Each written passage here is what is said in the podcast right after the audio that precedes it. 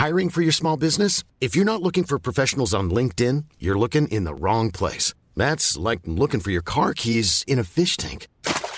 LinkedIn helps you hire professionals you can't find anywhere else, even those who aren't actively searching for a new job but might be open to the perfect role. In a given month, over 70% of LinkedIn users don't even visit other leading job sites. So start looking in the right place. With LinkedIn, you can hire professionals like a professional. Post your free job on linkedin.com slash people today. Ready to pop the question? The jewelers at BlueNile.com have got sparkle down to a science with beautiful lab-grown diamonds worthy of your most brilliant moments. Their lab-grown diamonds are independently graded and guaranteed identical to natural diamonds, and they're ready to ship to your door. Go to BlueNile.com and use promo code LISTEN to get $50 off your purchase of $500 or more. That's code LISTEN at BlueNile.com for $50 off. BlueNile.com code LISTEN.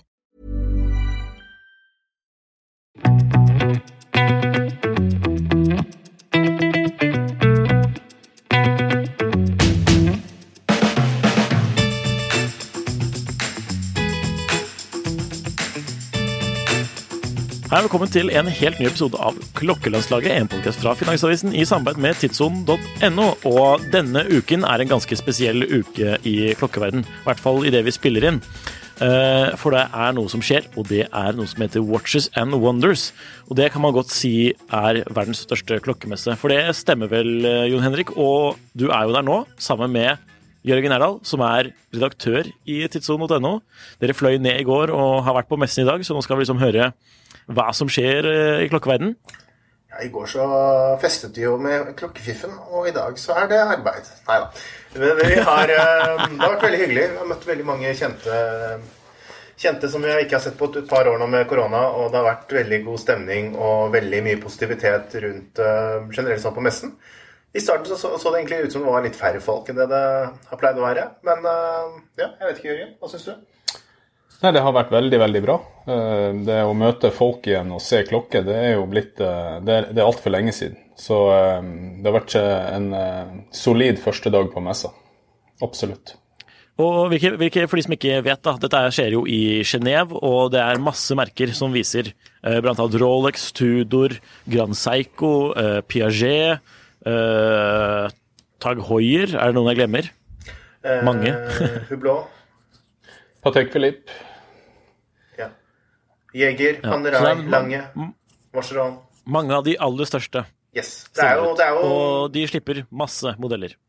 Absolutt. Det er jo liksom et sånt, og det har det vært i veldig veldig mange år, at bransjen har pleid å slippe egentlig nyheter nesten for hele året i, tidlig i første kvartal. Eh, I år så har det blitt litt senere. Nå er vi jo snart sånn med påsketider. Men eh, det er jo liksom nå også veldig mange forhandlere fra hele verden. Eh, ja, selvfølgelig ikke hele verden, sånn som situasjonen er nå, men tradisjonelt så har det vært fra hele verden som kom, kommer ned til Genéve og gjør sine bestillinger og kjøp da for, for hele det neste året som, som kommer. Så det har vært en veldig viktig, ve veldig viktig event. Og for klokkefansen så har det jo kanskje blitt en mye mer eh, begivenhet enn det det kanskje var før. Fordi med sosiale medier og alt det at man har Før så kom det klokker, og så tenkte man kanskje ikke så veldig mye over når det ble sluppet og, og, og i hvilken anledning.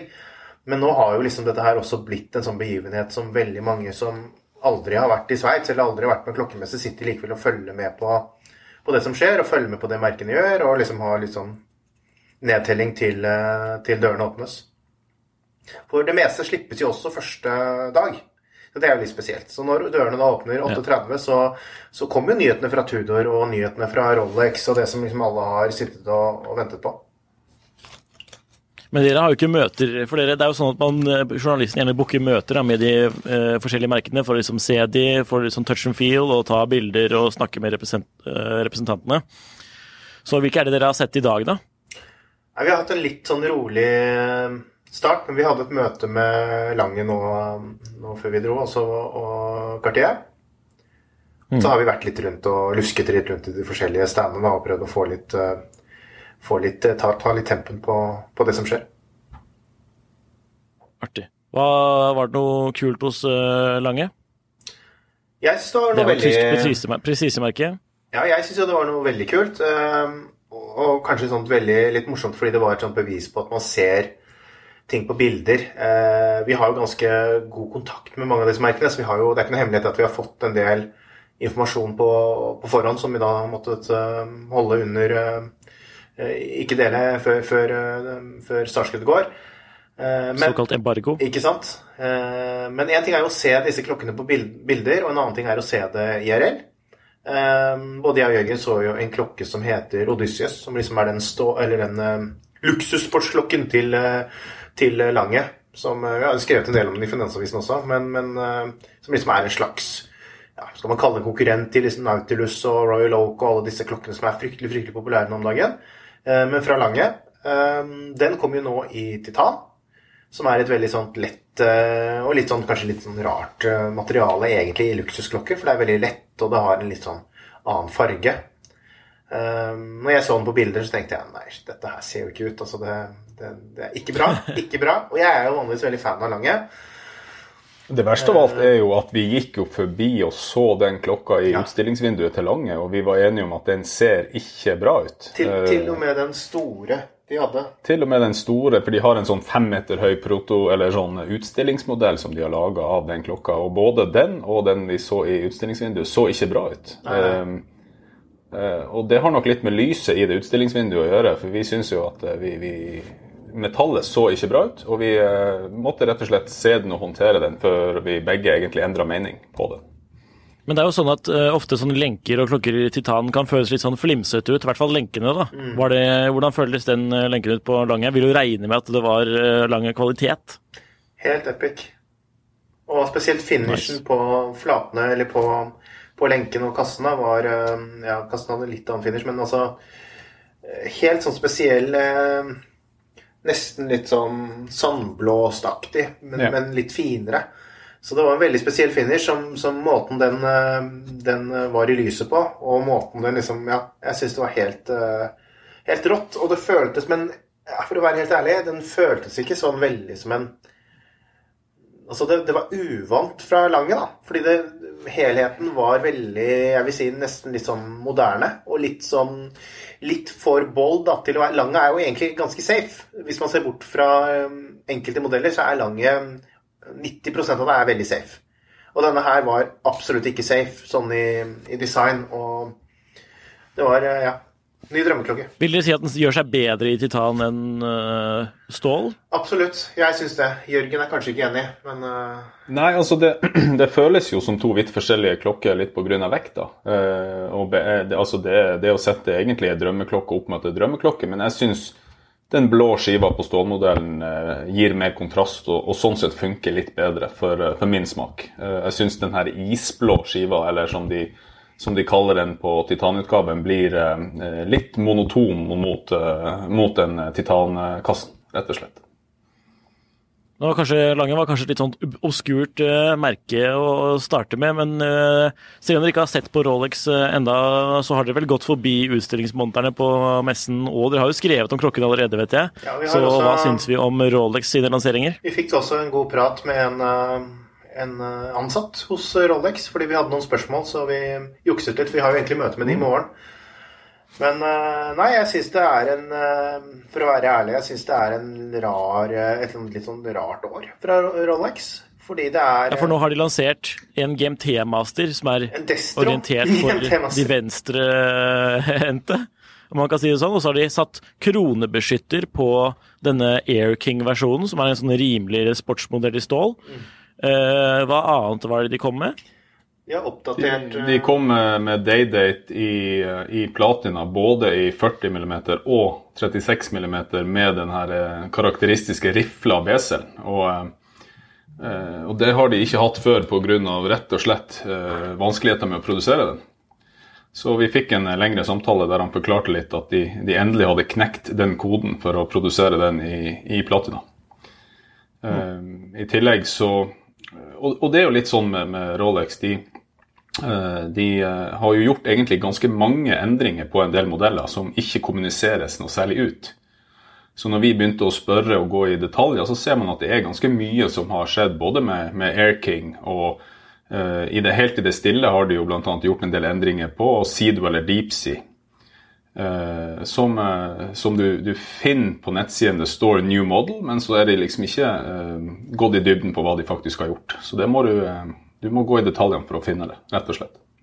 Og det var på såpass detaljnivå at jeg også tviler på at mange av disse foraene og ekspertene på nettet klarer å finne ut av det. For det, det, det var veldig, veldig, veldig, veldig minimale detaljer.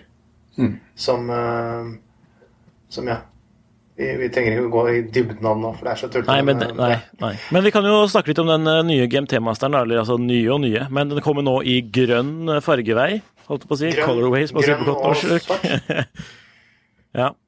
Og så er kronen nå satt på feil side, da, i anførselstegn. Mm. Hvorfor, er mitt spørsmål, egentlig. Det har vi ikke fått noe svar på. Uh... Veldig uvanlig move å gjøre, i hvert fall fra Rolex.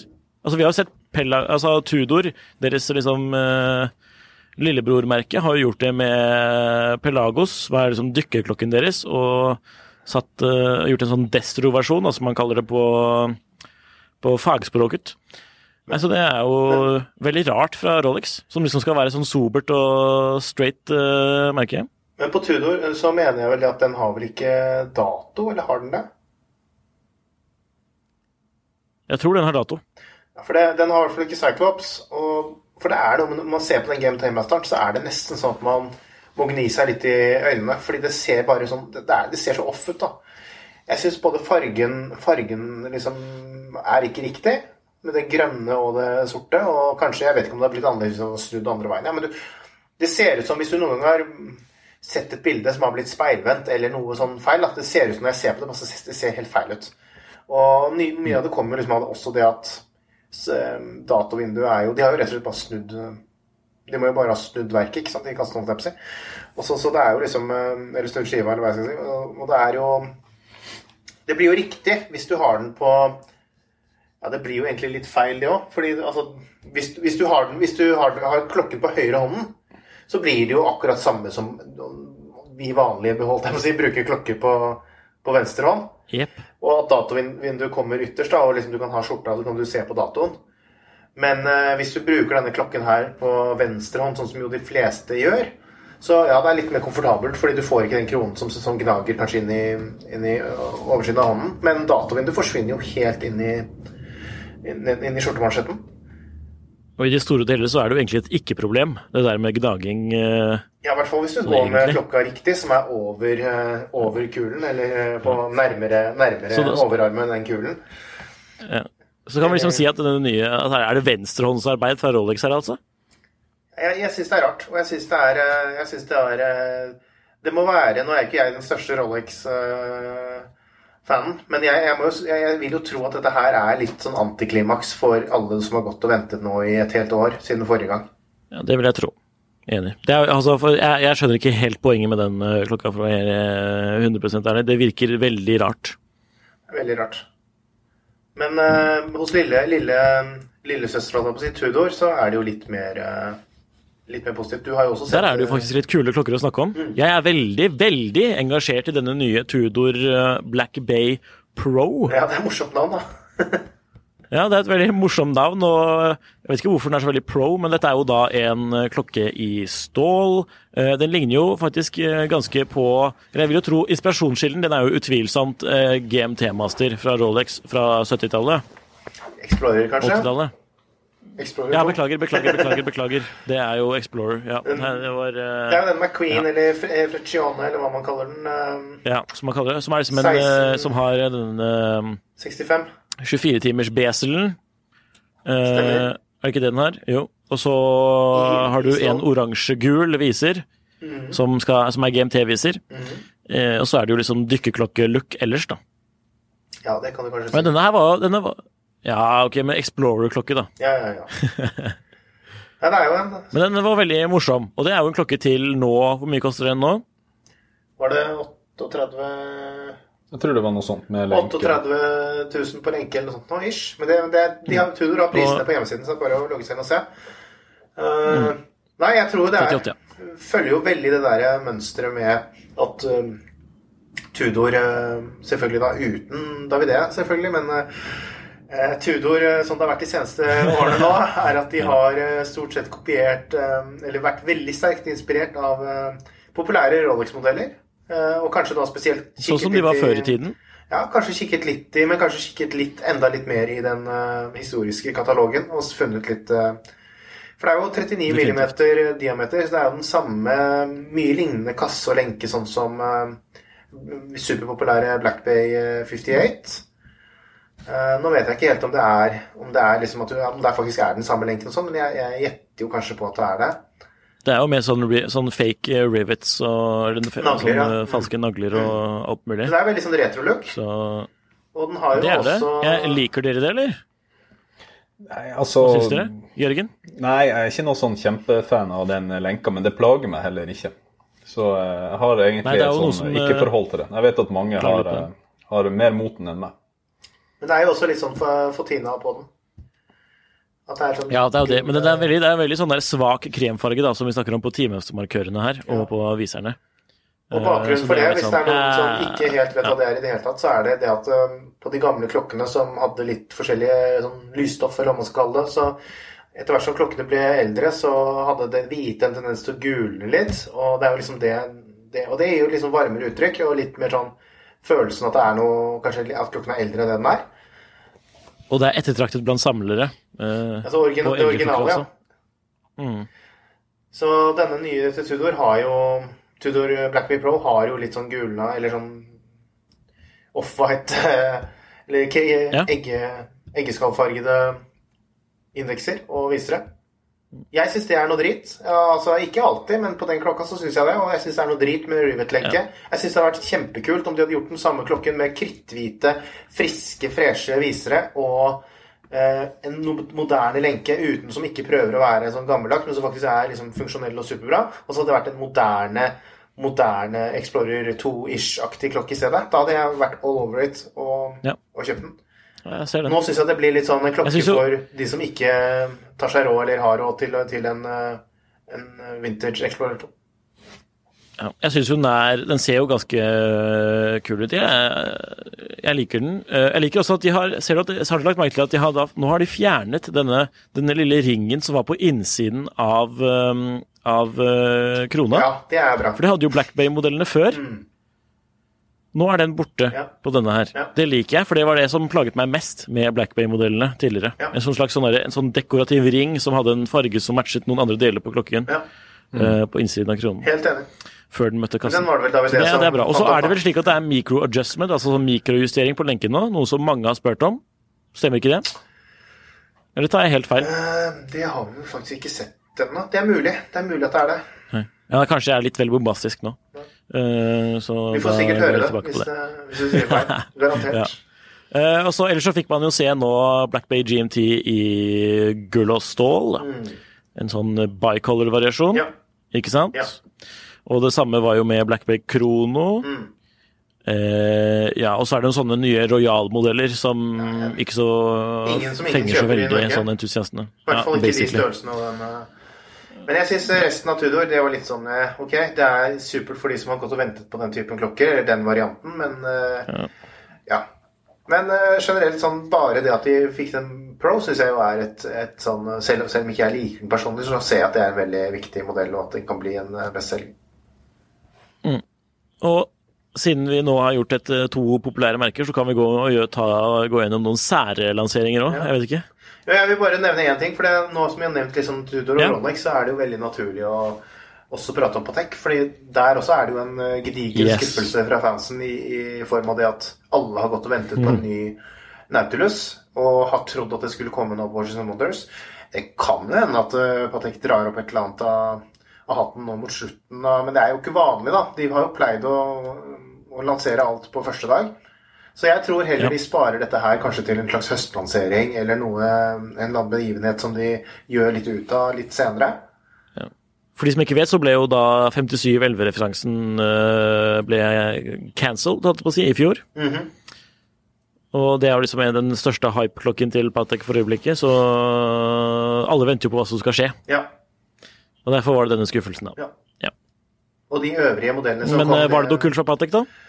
Altså, De kjørte jo på med et par sånne pilotaktige inspirerte klokker. Uh, Ja. Jeg syns de skivene er helt forferdelige. Uh, sorry. Uh, Hvordan ser de ut for de som ja, de, hører på? min, min gode Det noe sånt, det ser nesten ut som asfalt. Ja, min gode venn Johan Pergler, eller Jonsson, fra, fra Jonsson in a nutshell på, på Instagram, sendte meg en sånn tøysemelding og sa at det lignet på de der nye Psycho 5 eh, Field eh, Watch, eh, eller pilot... eh, Ja, det stemmer Som har en sånn lignende, Det er lignende- faktisk lignende- veldig sant. Og altså Jeg syns det, blir- det blir for shiny, og det blir for Ja, jeg, jeg er ikke så veldig fan, altså. Det, Og her er også denne litt sånn beige patinaen på, på indeksene. Mm. Sånn loom, da. Ja. Nei, det, det er en rar klokke, rett og slett. Og så har den en sånn derre Siden på kassen er liksom er dekorert som siden på en sånn femkroning. Mm. Med sånne tagger, så det er veldig, veldig rar eh, klokke, altså. Ja. Men uh, Men altså, all, Ja. all honnør til de som, eh, som legger pengene sine i det fordi de syns det er kult. Og jeg syns det, er- jeg synes det er kult at de Ja, lager litt sånne rare ting som ikke alle liker. da. Det syns jeg jo er bra. Men, men det er jo ikke noe sånn volummodell som kommer som folk kommer til å stille, og sove i sovepose i kø for å kjøpe. opp nei, det er, det er, ikke, noe, det er ikke noe svart moonswatch. Nei. Det er det ikke, på, på alle måter. Men eh, det var jo veldig pent. Uh, altså, uh, nesten alle lanseringene er jo Utført? Ja, ja det, det er vanskelig å ta dem på, på utførelse, men, men uh, alle nyhetene var egentlig av litt sånn penere type klokke. Det var litt sånn travel time og, eh, og sånt. Så det er jo lite sportsmodeller, som han, som han Jon Henrik sier. Ikke noe Nautilus, ikke noe Aquanaut. og Ja, så da, da kan det at, det liksom, at de, det føles ut at de holder litt igjen. Nei, for de hadde en del, det var en del totalt, så Nei. var det en del referanser. Jeg tror det er, Men altså, vi skal jo ha vi skal jo ha møte med de Nei, jeg kan nesten 100% si at de kommer ikke med noe mer Nautilus. eh, I hvert fall ikke nå. Fordi eh, vi hadde egentlig booket et møte med Apotek nå som skulle være nå i kveld. Men så har vi en eh, hyggelig dame som vi kjenner der, som ville at vi heller skulle komme i morgen eller dagen etter. Fordi det var litt mer sammen med andre som hun kjente. Så, men, jeg, men det, var ikke, det, er ikke, det er ikke for å presentere noen klokke, det, altså. Det er bare for å kjøre presentasjoner. Og da hadde vi, vi hadde, Men de hadde ikke kjørt noen presentasjoner i dag vet du, hvis det hadde vært mye mer som kom. Garantert. Ja. Interessant. Da, så vil jeg gjerne ta fram min favorittlansering, da. For jeg har jo fulgt med også, selv om jeg har sittet her i gode, gamle Noreg. Eh, og min favoritt er, Vil du gjette, Jørgen? Eh, Ja, kanskje det. Jeg tipper eh, Mass Mysteriøs fra Cartier. Og det er, det, er et, det er et veldig godt forsøk, og den kan vi for så vidt snakke om etterpå. Men kanskje Jon Henrik eh, vet det? det er, eh, whatever. Det er den nye Vacheron Constantin Le Historique 222. 222. Ja. Som er liksom da en re... Altså en ganske eksakt eh, Hva kan man kalle det? Replika, eller altså gjenskapelse av en klokke som de introduserte på 70-tallet. Ja. Ja, Den var litt sånn interessant, for vi var jo, vi var jo sammen med Vacheron i, i går, og da, Ja, så da kan vi ikke si noe negativt om den, men uh... Det kan vi ikke si, men eh, de, eh, de, vi, vi hadde jo, som Jon Henrik nevnte, så hadde vi litt grann forhåndsinformasjon om det som de kom med i dag, men det hadde, vi hadde ikke noe informasjon om 222. Så Nei. de sa at, at den måtte okay. vi bare Vi måtte holde øynene åpne i dag. ja. Og det gjorde vi ikke, så vi fikk ikke med oss det før noen timer senere. Men vi gikk og så på klokken da, når vi hadde Når vi, hadde, når vi, når vi fant det ut. Så har du plukka opp hvor, eh, hvor mange som lages av den? Er den sterkt begrensa? Var det ikke 222? Altså, Det kan godt hende, men altså det, den opprinnelige klokken så ble jo bare 500 laget i stål, så 150 i gull og mm, mindre enn 100 i eh, stålgull. Eh, så skal jeg se om jeg finner Jeg tror det er på den 200, her. Men altså, 222, ja, men ja, det, det stemmer nok sikkert, det. Men hele konseptet da med denne 222, det var liksom at det skulle være ja, det var romslig pris, for dette er jo da en, eh, en eh, klokke som altså er, Vi kan jo si, kalle det altså en, sånn, en klassisk sportsklokke i stål fra 70-tallet. Mm. Den er ikke designet av eh, Gerald Genta, men uh, Jorg Heisek. Uh, og det var liksom Vacheron sitt svar på Nautilus og Royal Oak Mm. eh, i de gode gamle dager. Og dette er jo da en versjon i helgull, som de da produserte veldig veldig få av på 70-tallet. 150 stykker. Eh, Så den er veldig, veldig kul og ganske annerledes, eh, men den er jo i den samme kategorien som liksom Genta-designene, da. Man kan jo si det, uten at eh, det er noen skam. Eh, Men det var jo Vacherons eget. Men den har jo ikke vært til Så på fiffig klokke. Jeg digger den. Jeg digger den.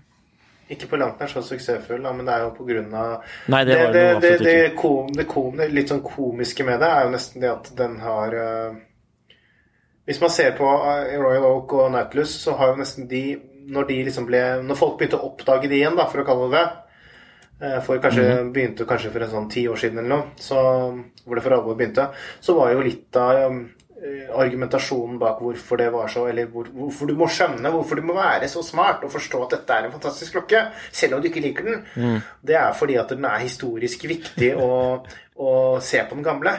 Mens her føler jeg det er nesten litt motsatt. At uh, ja, men den er så viktig. For se så popul For det er jo forløperen til uh, Overseas. Se så populær Overseas er. Ikke sant? For Overseas er jo mye mer Det er ikke noe tallene, da, men produksjonstallene tyder på det. da Mye mer kommersiell suksessfull Ja. modell. Så her er det liksom sånn motsatt.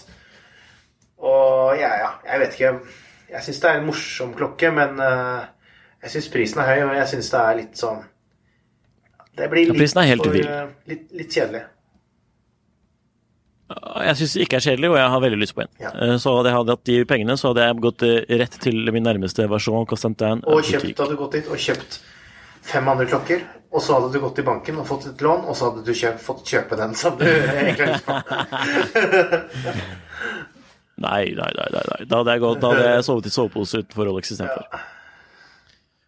Nei da. Men eh, Og så Da kan vi jo bare gå i på Cartier, eh, egentlig. Eh, Jørgen, har du noen sterke meninger der, eller? Eh, nei, ikke noen sterke meninger. De, eh, de lager mye som er ganske flott. De har litt sånn fransk finesse, og de, de, jeg syns de er veldig flinke å blande det inn i, i klokker som, eh, som har en helt egen karakter og en helt egen identitet. Eh, de nok, de aller fleste syns jeg er for fine til at jeg sjøl kunne ha gått med dem, men jeg, liksom, det, jeg syns det er veldig kult å se dem på, eh, på andre som har på en måte en stil som kler dem. Eh, Og så er det umulig å ikke bli imponert av den, eh, den masse mysteriøs. Der rett og slett hele Hvordan, urverket hvordan kan vi beskrive den for de som hører på? Ja, Det er vanskelig, men det er rett og slett du, du, For de som er litt bevandra i, i, eh, i automatiske urverk, så, så kan du egentlig si at uh, hele urverket er forma som en stor rotor som roterer inni kassen. Og, uh, Ja. og viserne står tilsynelatende da bare og svever over og, og viser tida. Det, er, det må ses for å rett og slett forstås. Og det, det er teknisk ganske, Ganske imponerende sak. Og, og, og jo mer du tenker på den, jo mer eller jo mer Den, den er sånn det, det, morsom, det, det mest morsomme med den, og som også er nesten litt teit, det er det at den, den ser så enkel ut. Hvis du bare ser på den, så ser den enkel ut. At man tenker ja, ja, det der er jo ikke noe imponerende. Det, er liksom, det ser for enkelt ut, da. Men når du begynner å studere faktisk Ja, krone, ja. ja. Men den, hva er den festet i, egentlig? Ikke sant? Hvis du ser på det. Hva, hva oh ja, shit. Ja, ikke Ja, sant? det- Ja, det hadde ikke du tenkt på heller. Ja, hvor, hva, Nei, hva- Og så og så tenker du, ja, men hvordan, Hvordan er det de har løst hvordan, det? trekk, hvordan, hvordan trekker du den? Ja, men det er, eh, det er um, Den er jo selvtrekkende. Ja, den trekker seg jo eh, selv. Det går ikke an å, det går ikke an å, å trekke den med Nei. bruk av kroner. Kroner bruker du kun til å stille tida, så den trekker seg sjøl. Stanser den, så må du rett og slett eh, Du må rett og slett rotere Du får med Winder, da. Det er jo bra. Du får med Winder hvis du kjøper den. Ja.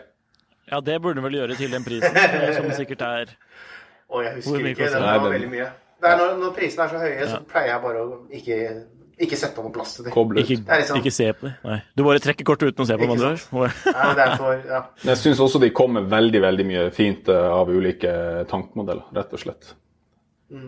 Ja, det er, nå, har jo de, nå har jo Tank Must eh, kommet i, med sort skive. Mm. Veldig det er vel blant nyhetene. Mm.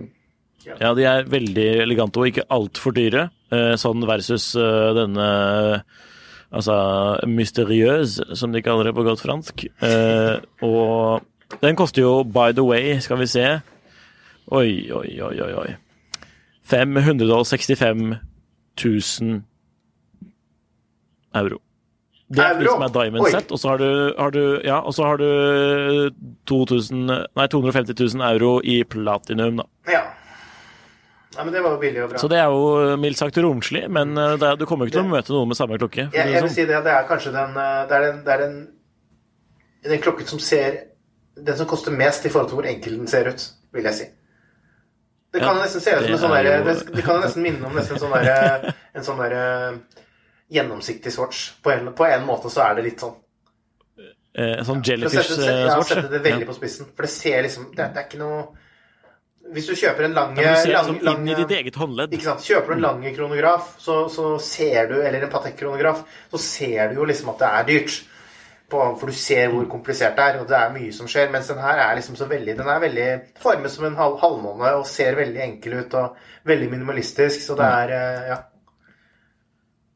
Kult. Et valg for de, for de med ekstra, ekstra god og kvalifisert smak, kan man vel si. Og så Cartier kommer med en ganske kul uh, Tank Louis Cartier, som liksom er eh, hva skal vi si, toppmodellen med liksom uh, den samme type kasse som uh, Must, eh, bare i helgull og med ordentlig mekanisk urverk. Eh, den er jo kul, og nå kommer liksom i da en veldig sånn flott burgunderrød farge og en i grå.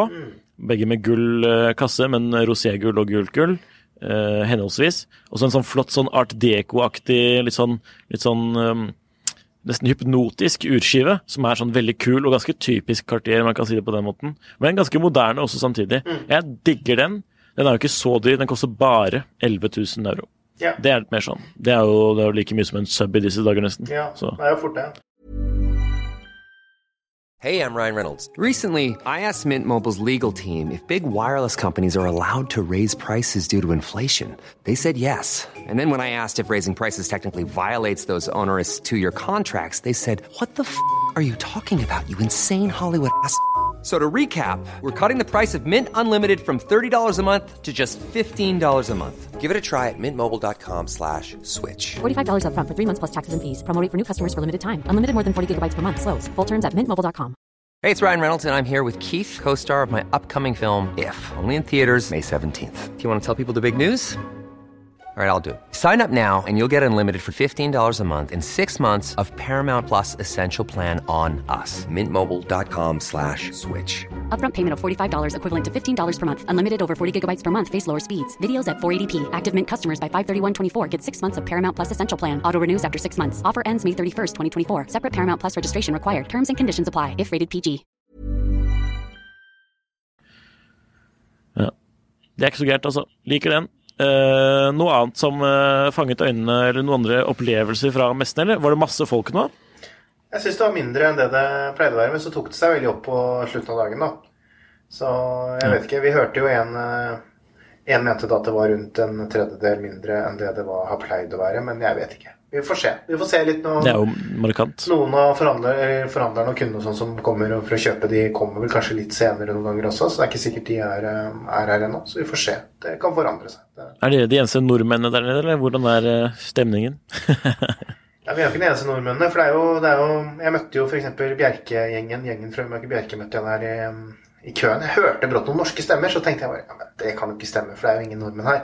Men det er jo selvfølgelig forhandlere her. Så, og selvfølgelig også noen representanter for distributører og merke og, og, og litt sånn, da, som er eh, norske. Så det er, eh, men det er jo Men Blant de som er på messen, hva er det som liksom er den store snakkisen eh, i år? Nei, det er Moonswatch, da. Nei da. Nei men det har, den har vært nevnt. Det er, ikke noe, det er ikke noe tvil om det, og ofte i en litt sånn eh, humoristiske settinger, da. Man tøyser litt med Ja, Dere har ikke vært nede i Swatch-butikken i Genéve sentrum og prøvd dere å få tak i en? Vi Skal ned i natt med sovepose. Så Ja, det, vi pratet med en annen journalist og hadde planer om å legge oss nede der i, i kveld. Nei da. Vi, eh, vi får se. Men det, ja, vi har fått litt rundt det, men, det, men den har vi allerede pratet opp og ned om, føler jeg. Så den, må vi, den, den føler jeg neste gang vi skal prate om den, så er Ja, det etter at vi har kjøpt den, eller, eller har fått sett på en. Ja, det, det er det faktisk. En som vi kan vise Eh, frem men, en eh, og prøve å se om vi får masse farge på håndleddet. Jeg har lyst til å nevne et par-tre andre klokker, da, eh, Ja, Kan jeg få lov å gjette hva du har lyst til å trekke fram? Ja, som i hvert fall okay. noe du likte, eller i hvert fall som du har lyst til å snakke om? ok, ok. Grand Psycho. Ja. Og da spesifikt sikkert referanse en ny sånn dykkermodell som de har, SLGA 015. Nei. Nei, hva da? Det er, det er kult. Det er kult. De, har, de har lansert fem nye, fem nye sportsklokker som er basert på den nye eh, Hva er det de kaller det? Evolution 9 kaller de den nye serien. Det, og det har blitt en kolleksjon. Men det startet ikke sånn, så det er litt morsomt. for Hvis man har fulgt med på det, så i 2020 så hadde Grand Seiko 60-årsjubileum, og da lanserte de en ny Den, den er det mange som kjenner til. White eh, Forløperen til White Birch, som har blitt en veldig populær eh, modell. Som har et sånt nytt designspråk som eh, Grand Seiko introduserte da i 2020. Eh, De kalte det først Series 9 Design, eller sånt men så byttet de navnet til Evolution 9. Og så har de splittet det ut som en egen kolleksjon. Og nå har de altså sportsmodeller som de har lansert nå, som er basert på den samme type designet, da, med litt sånn trekk.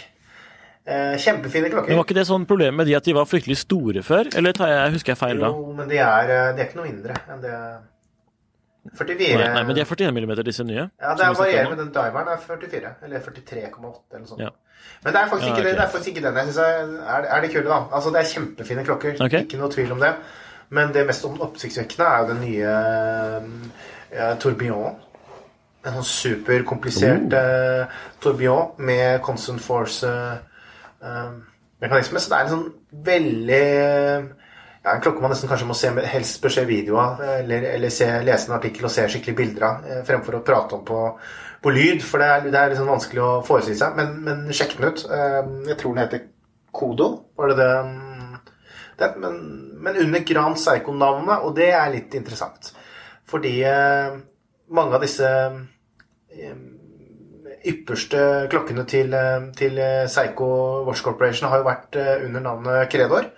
som er sånt Japan, eller inntil ganske nylig var sånn Japan-eksklusivt eh, toppmerke.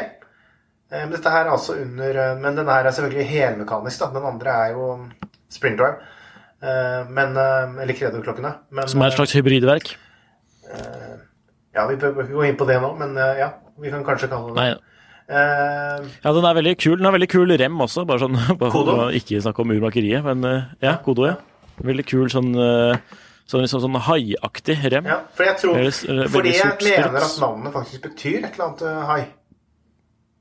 Så Ja. kanskje det er haiskinn. Jeg vet ikke, nå, nå kommer vi sikkert også igjen til å få noen kommentarer på at vi ikke vet hva vi prater om. Men, så det blir en veldig kul klokke. Ja. Og så syns jeg også Jeger eh, lanserte eh, Eller nå sier jeg det skikkelig på norsk, og dette her må vi også ha i en egen episode med uttale av eh, ja, hvordan man uttaler navn. Jeger, Ja. eh, Jeger eller køltere? Nei da. Le Eh, har jeg hørt. Mm. Eh, en ny EVS-kalender i Polaris-kolleksjonen, som har vært en litt sånn undervurdert sportskolleksjon så fra, fra Jeger. Uh, litt rart med en evighetskalender i en sånn tøff sportsklokke, da. For det er jo ganske skjøre, Ganske. skjøre greier. Som, eller vanligvis er det det. Uh, men ja, superkult. Jørgen, har du noen Kult. Nei, Jeg var litt inne på den samme, den Polaris eh, fra, fra Jeger. Den er ganske stilig. Um, Nå har vi jo bare fått sett så mye på én dag, men eh, jeg vil jo litt tilbake også til Lange. De, eh, de eh, lanserte jo en eh, Richard Lange Minute Repeater som var helt fantastisk. Eh, utrolig flott, utrolig Ja, rett og slett bare nydelig håndverk. Så det er kanskje favoritten hittil. Det er altså en klokke som kan spille av tiden med lydsignaler. Åh, det er magisk, altså. Og det er jo noe som anses å være liksom noe av det mest kompliserte og mest tidkrevende å, å lage og montere og justere og hele den pakka der. Så det er en eh, Vanskelige greier. Mm. Fiffig. Er det noen andre merker som, eh, av de liksom sånn litt obskure som uh, dropper noe kult? Eller jeg ser Mont Blanc har jo kommet med noen, de er ikke så veldig obskure, da, men de har kommet med sånn, noen morsomme sånne GMT-modeller uh, ja. i 1858-serien. Ja. Det er jo ikke så gærent. Og så har de naturligvis kommet med noen som er powered by Minerva, som liksom er en sånn ganske avansert eh, og ganske lite kronografer, eller? eh, urprodusent. Eh, ja, ja, ja, en monopusher, som da betyr at eh, en kronograf kan styres med én knapp, eh, versus det som vanlig er to, da. Så det er jo fiffig. Um, men det er sånn, det er liksom sånn Ja, jeg vet ikke, det er alltid noe som ikke treffer meg helt med disse modellene. Jeg vet ikke hva det er. Eh, men jeg som de lanserte denne gangen, da, men det er jo da med Minerva-urverk, og da betyr det at det koster sinnssykt mye. Men de lanserte en som er en monopusher chronograph Red Arrow, som er in, uh, inspirert av en ganske, ganske gammel uh, klokke fra Minerva. Fra jeg tror, jeg tror det er 50-tallet eller 40-tallet. En sånn pilotkronograf. Veldig kul. Uh, jeg har et bilde av den eh, som jeg kan legge ved i saken og podkasten her, sånn at eh, folk ser inspirasjonen. Ja. Eh, ja. Men uh, har dere eh, noen uh, store favoritter sånn dere vil nevne litt avslutningsvis, eller? Vi har vært inne på litt uh, Ja, Det er tidlig å konkludere etter én dag, eh, det må jeg si. Ja. Som, selv om jeg konkluderte litt i stad og sa at hittil så er den uh, eh, ganske høyt opp på lista. Den er, det er Ja. virkelig klasse. Ser den. Nei, Jeg er enig, enig for så vidt i det. Altså, den er eh, fantastisk eh, flott, og lyden er fantastisk bra. Og ja Sånn perfekt eh, perfeksjon. Nærme. Ja, ja det, det, er er veldig gøy. Jo, Ferdinand, Ferdinand Bertou, som er Chopard, Ja. de hadde jo utrolig mye, mye flott. Eh, de har vel faktisk ikke noen ja, nye er- modeller. hvordan skal vi beskrive det merket? Det er et merke som er eh, eid av samme familie som eier eh, smykke- og urprodusenten Chopard. Uh, som er egentlig litt sånn uh, Jeg tror det må være nesten litt sånn der tapsluk jeg, for han eieren, men som bare som passion project. da. project. Mm. Om å lage liksom noe av det ypperste innen uh, klokker. Så de har jo lansert en del modeller gjennom årene, men det er jo liksom sånn én ny klokke kanskje i år eller annethvert år. Eller, altså, det er på det nivået der, da, og veldig veldig kompliserte ting med en ekstrem eh, ja, det er ekstrem både mekanisk og ekstrem eh, finish. Så de har jo en veldig liten Chopard har en kjempestor stand her, og Bertou har en kjempeliten stand. Så det er veldig, veldig kult å se disse klokkene live, da, og ikke bare se dem på bilder, sånn som vi har vært nå Ja. denne situasjonen. Jeg må si jeg drømmer om en sånn Ferdinand Bert- eh, Bertou. Det er så horribelt å uttale disse navnene. I hvert fall eh, når vi ringes nå. Vi må jo bare si det, Når vi snakker sammen nå, så er jo klokken eh, halv ni på kvelden. Ja. Dere har jo vært ute og jogget eh, rundt på messen i hele dag og tatt bilder og pratet med bransjefolk og andre kollegaer fra det store utland. Så det er jo det er ikke bare bare noe. Så vet, jeg vet at Jon Henrik hungrer etter en stor burger i Genéve nå. Kanskje fra. Burger King. Ja, det er vel ikke så mye Burger King der. Du er jo du er bedre kjent i Genéve enn eh, enn meg. Jeg har stort sett bare sett flyplassene og hotellene. Så du får sende noen tips på WhatsApp. Men det er fordi hvis, hvis, hvis, hvis, hvis noen vil ha et sånt burgertips, oh, ja, hvis vi skal legge til det i poden I, i Genéve så er jo det faktisk uh, The Hamburger og, der, Foundation. og der var det jo faktisk jeg som tok med deg også, så, så nå gjorde jeg meg egentlig litt Ja, dummere, det stemmer litt dummere enn det jeg var. Og der var jo også mange av klokke, klokkefolkene. Så Ja, men det er mange som trekker dit for å spise en uh, burger og drikke en øl etter uh, den første dagen på messa, så det Absolutt. er jo det. Dere har ikke planlagt noe annet uh, fiffig å gjøre i Genéve mens dere er der, da? Unntatt å sove i sovepose for å skaffe en Moonswatch? det blir, eh, det blir litt middager med litt forskjellige merker og litt aktiviteter og sånn. Eh, Jeg vil bare nevne en liten ting avslutningsvis som jeg syns er utrolig Ja, ja. Det er jo det at eh, det er jo noen merker som er på denne messen, og så er det en del merker som ikke er der. Eksempel, eh, for eksempel Bulgari, da. I dag så var vi inne, mens vi var inne og pratet med, sto og pratet med han som er produktdirektør for Lange, som vi kjenner ganske godt, så går det en fyr rundt og lusker litt rundt der inne på standen, da. Og det var jo han eh, Er det Bueno Massa, eller hva han heter, som er eh, tilsvarende rolle hos Bulgari, og som har laget disse Octo Finissimo designet og utviklet det, da. Ja, han, Og liksom, og da så jeg han andre bare ja, Ikke sant? Så det er morsomt å se, og vi har sett flere. Jeg så flere, flere fra andre merker da, som ikke er på messen. Som jeg så bare Er ikke det hun fra Breguet? Og så bare så jeg ser liksom at de går rundt og, og gjør litt research og Folk er nysgjerrige. Ikke sant? Og det er veldig gøy, da. Det er morsomt. Gøyalt. Ok, men takk for at dere hadde lyst til å ringe inn. da. Det var jo hyggelig at vi fikk til det her. Veldig hyggelig. Så, Så messen pågår jo fortsatt den når, når, vi er, når denne sendingen faktisk sendes. Så det er, eh, det er gøy. Og så gå inn på Tidssonen og les eh, Spennende. litt dekning. Og det kommer vel kanskje også litt i Finansavisen etter hvert. Sånn Helt før vi avslutter denne episoden, så har Jon Henrik gjort et opptak i Genéve som vi kommer til å sende som uh, Ha det bra på denne episoden. Og han har møtt Wilhelm Schmid, som er CEO for Arlang Zøne. Og de snakker jo da naturligvis om markedsnyheter og litt sånn om messen uh, generelt. Så da avslutter vi denne episoden med det innslaget, rett og slett, som er tatt opp da på Watches and Wonders. So right now I'm in Geneva at the Watches and Wonders Fair, and I'm uh, very happy to say that I have Mr. Wilhelm Schmidt with me, the CEO of uh, Lange. You're a very popular guy, and I'm, I'm uh, thankful that you find the time to, Look, that's, that's, that's what we're here for, and I have to say thank you for, for, for coming. I know you also have a busy schedule, so I'm happy to see you again. Yeah, it's good to see you. Uh, so it's, it's only day two, but, Yes. uh, but how has it been so far? Uh, look, I always say that usually by Monday, well, now it's not Monday anymore, but you know, Thursday, 11 o'clock, I think you have a good idea.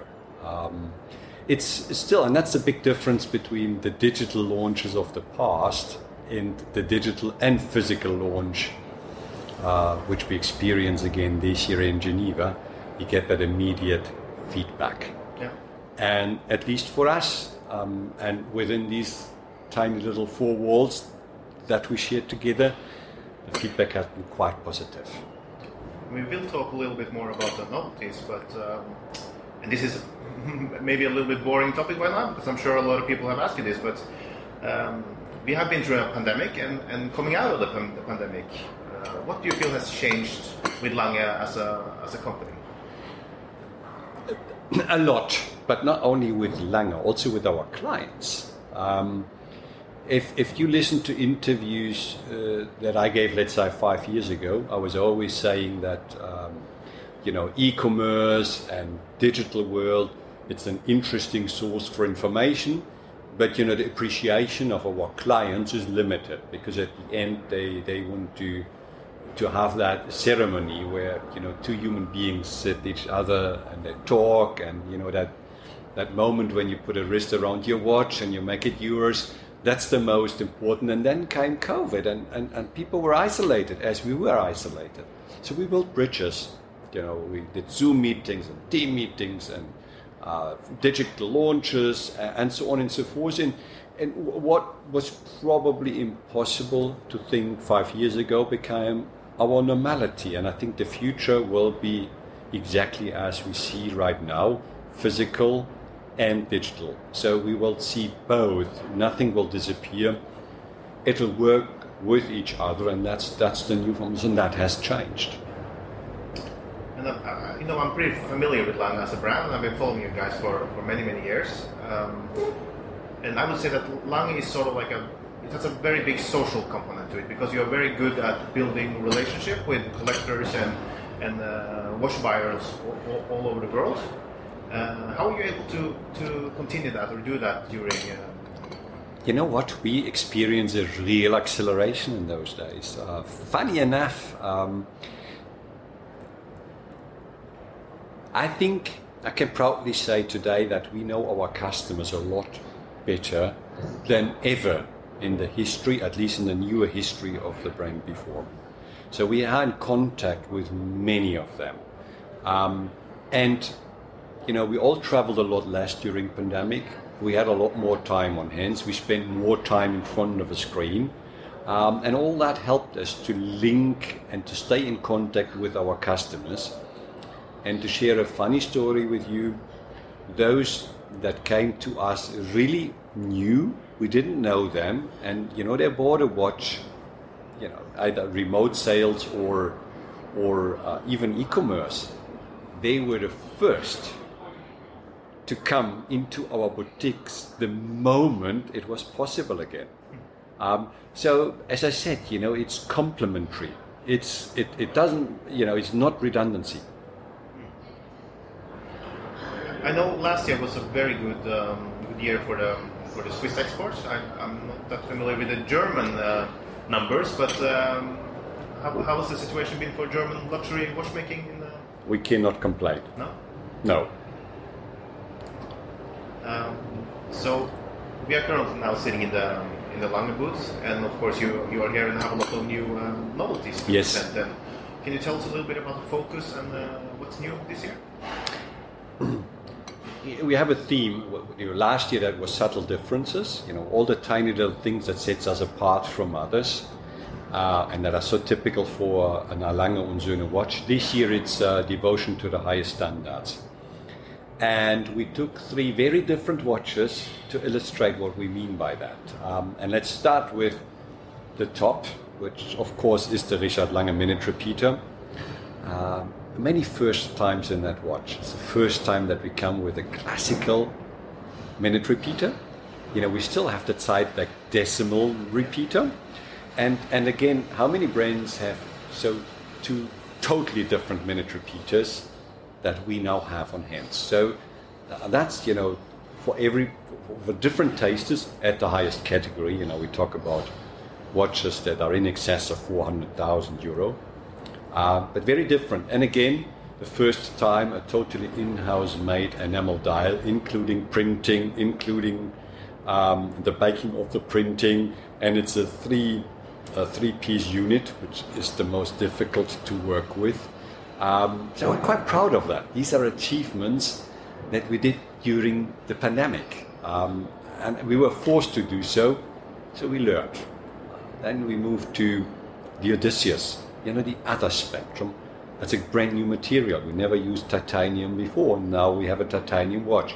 Limited again because it's you know a hard material, a very very detailed execution, and capacity for us is a real challenge. So we can't produce more than 250, and then you know we have to do something differently. And last but not least, for me, you know, the biggest surprise um, as I saw it the first time in, in, in, in the real, in flesh, was the uh, Grand Lange one. Because for the first time, even it's exactly the same design, we haven't touched the movement, but the watch looks very different to typical Lange one. Um, and that is what I mean devotion to the highest standards. Using a new material, exploring new skills that we didn't have before, or making a watch slimmer by 0.6 millimeter without touching the movements. The movement. So these are the little things that we worked on. I had a presentation with Tony yesterday, and I, yeah, I, I agree with you. I was very surprised with the um, uh, Grand Lang one. Of course, I saw it outside first in the in the display Yes. case, but when you actually get to feel it and put it on the wrist, it has a very different feel from the Model Lang one uh, watches. I mean, because it, you know, it almost looked like it doesn't have a crystal. You almost feel like, oh, you can't touch the dial. And it's the same, by the way, if you look to the movement, because there's almost no room between the movement and, and, and the crystal case back. And, you know, it just gives it a very, together with the new dial, it gives it a very different, I would say, even more elegant appearance. Um, and, and for the first time, you know, the little Lange one, the standard Lange one, and the Grand Lange one, they really look different. Yeah. So um, you mentioned the Odysseus. Um, I remember I was there when you launched it back in 2000. Um, 24th of October 2019. yeah, 2019, year before COVID. so Just in time for it, because in March the whole spook started. yeah, exactly. It was one of the last press trips I actually, Yeah. did. Um, would it be fair to say it was sort of like a little bit of a mixed bag? The reception of the watch. It was people. People didn't kind of know what to think. I think a lot, a lot of people, at least, who didn't feel it in the flesh. I would have been hugely disappointed had it been an immediate uh, run because then you know we hadn't done any different to what we did before. The watch on purpose is a very different uh, category. Yeah. You know, it's that's why we use titanium. That's why we use steel. That's why we go with extra different dials. That's why we use new colors. You know, a brand needs a playground Yeah. without losing itself. And as traditional as we are with the other five families, we can become a little more bold, um, creative, uh, different with the Odysseus. And again, not everybody likes that. I appreciate it. It's not made to be liked by everybody. As long as those that liked us in the past remember the five other families are untouched, Yeah. I don't force anybody to go for it. But it has become very, very popular now in the, in the recent. Like, you know, I think. very steep curve of. Oh yeah, yeah, yeah. It's, it's, and again, I believe there's one there's one distinctive difference. You need to touch our watch. You need to make it yours by seeing it in the natural habitat of a wristwatch, which is a wrist. Only then actually can fully appreciate what we do. It's still then a question of I like this more than the others. And we see that a lot today in our boutiques. You know, people come, they are not familiar with the brand, but they want to see the Odysseus. Of course, that's not available, and I'm for, sorry for it, but it's, it's just it's not scarcity by marketing. It's scarcity by capacity issues, real ones. And then, you know, I see you wearing the 1815 up and down. They leave shop with an 1815 or a Lange 1. Because before that, they didn't know about us in detail, and then they learned to appreciate.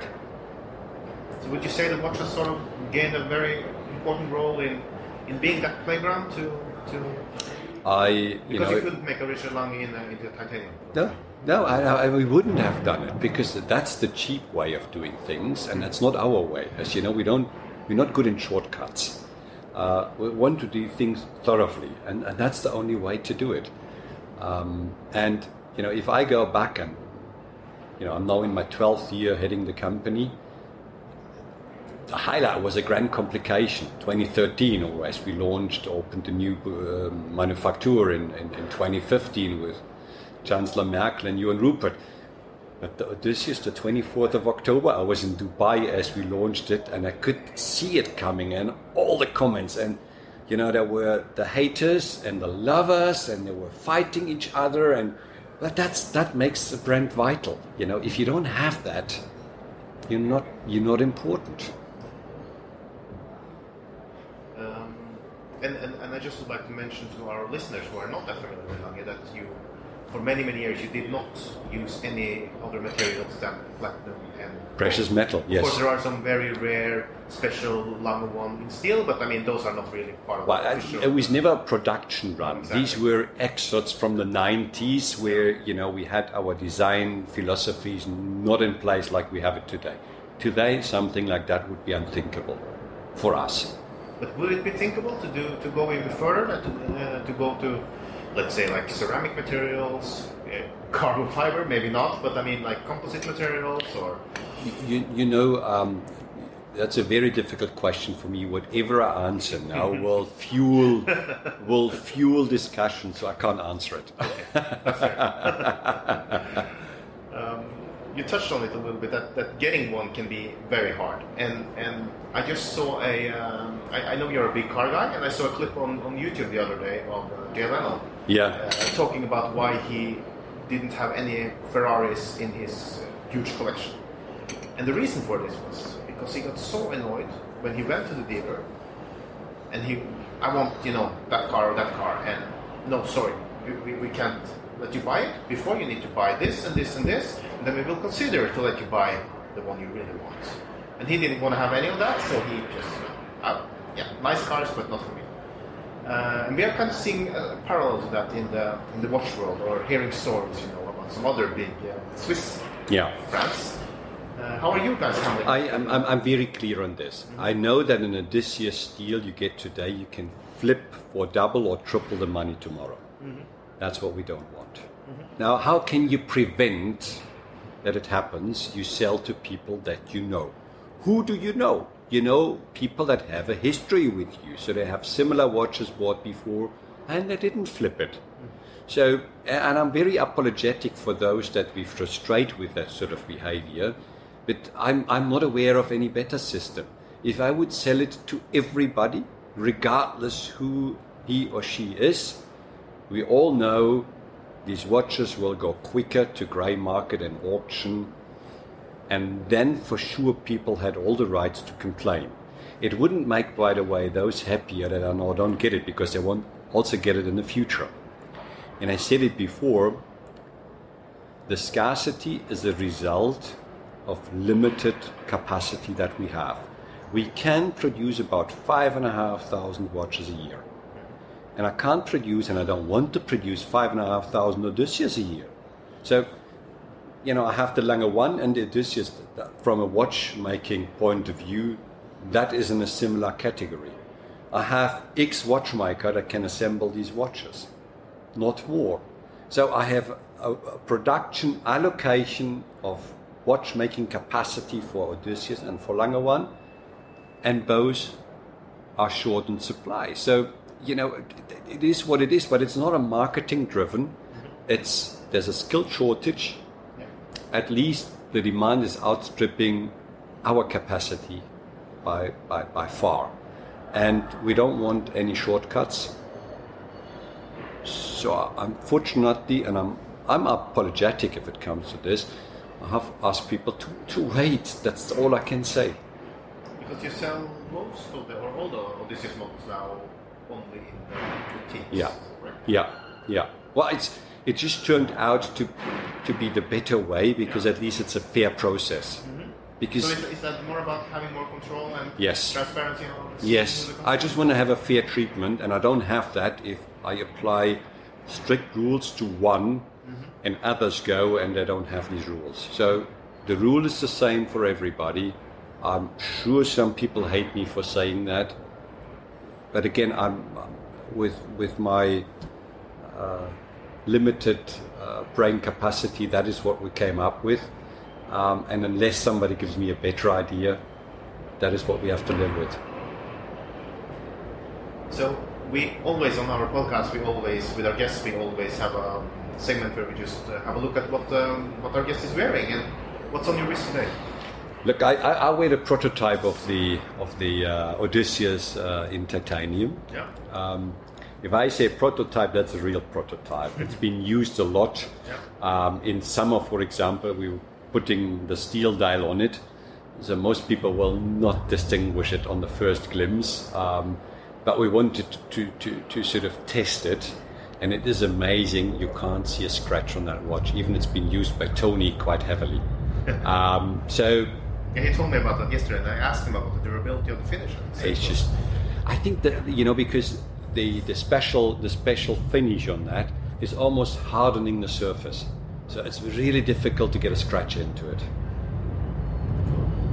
we will we will put a link in the picture of your watch in, the, in the, our article about the podcast.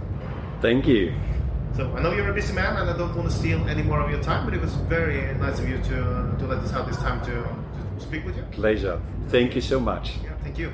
Thank you. Have a lovely fair. You too. Men da takker vi at dere lytter på. Tusen takk for at du ble med, Jørgen. Veldig hyggelig. veldig hyggelig. Ja, ja. Så for, det, for de som hører på, hvis dere har lyst til å lese mer om de klokkene vi snakker om Alle de fleste klokkene vi snakker om her, blir jo da omtalt på tidsom.no sin blogg eller nyhetsside. Så der kan man lese mer og se bilder og hele sulamitten. Ok, Takk for at du hørte på Klokkelandslaget. Dette var jo en episode fra Watch and Wonders, verdens største klokkemesse. Eh, og da Klokkelandslaget er en podkast vi gjør i samarbeid med tidssonen.no, som sagt. Eh, hvis du liker å høre på podkast, vil vi gjerne anbefale å abonnere på denne podkasten.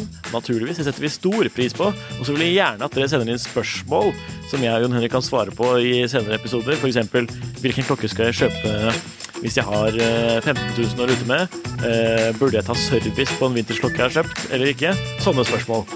Eh, send det inn, så har vi noe å svare på. Takk for at dere lytter.